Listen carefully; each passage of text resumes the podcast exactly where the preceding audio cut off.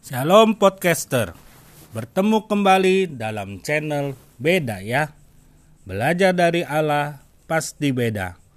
Pembahasan firman Tuhan terambil dari Yohanes 15 ayat 1 sampai 6 Tinggal di dalam Kristus.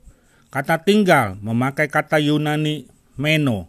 Artinya tinggal tetap terus menerus Terus bertahan Tidak terbatas waktu tidak terpisahkan, tidak terlepas, tidak meninggalkan, tidak pergi, tetap menyatu, menjadi satu. Apa artinya tinggal di dalam Kristus?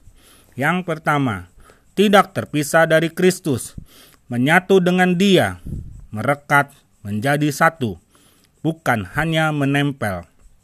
1 Korintus 6 ayat 17 Tetapi siapa mengikatkan dirinya pada Tuhan, menjadi satu roh dengan dia. Yang kedua, tinggal tetap dalam firman, dalam kebenaran, tetap dalam firman ayat ketujuh, mentaati perintah-perintahnya, tinggal di dalam kasih dan saling mengasihi. Ayat selanjutnya 10, 12, dan 17.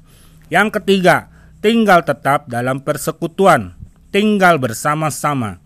Ini merupakan hubungan Kristus dengan murid-muridnya yang begitu sangat dekat, erat, atau akrab. Hubungan yang tidak terpisahkan, keintiman, menyatu, persekutuan yang sangat indah. Seorang yang percaya Yesus, dia ada di dalam Kristus, tinggal di dalam Kristus. Orang yang belum percaya Yesus, dia ada dan tinggal di luar Kristus.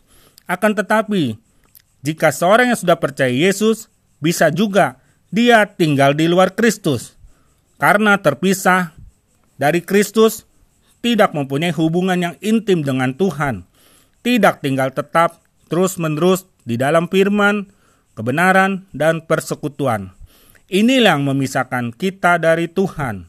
Hal lain yang membuat kita putus hubungan dengan Tuhan adalah dosa. Dosa memisahkan kita dari Tuhan. Ketika kita hidup di dalam dosa, kita hidup di luar Kristus. Tidak ada kehidupan bagi yang terlepas dari Dia, karena akan menjadi ranting yang kering, dicampakkan ke dalam api, lalu dibakar.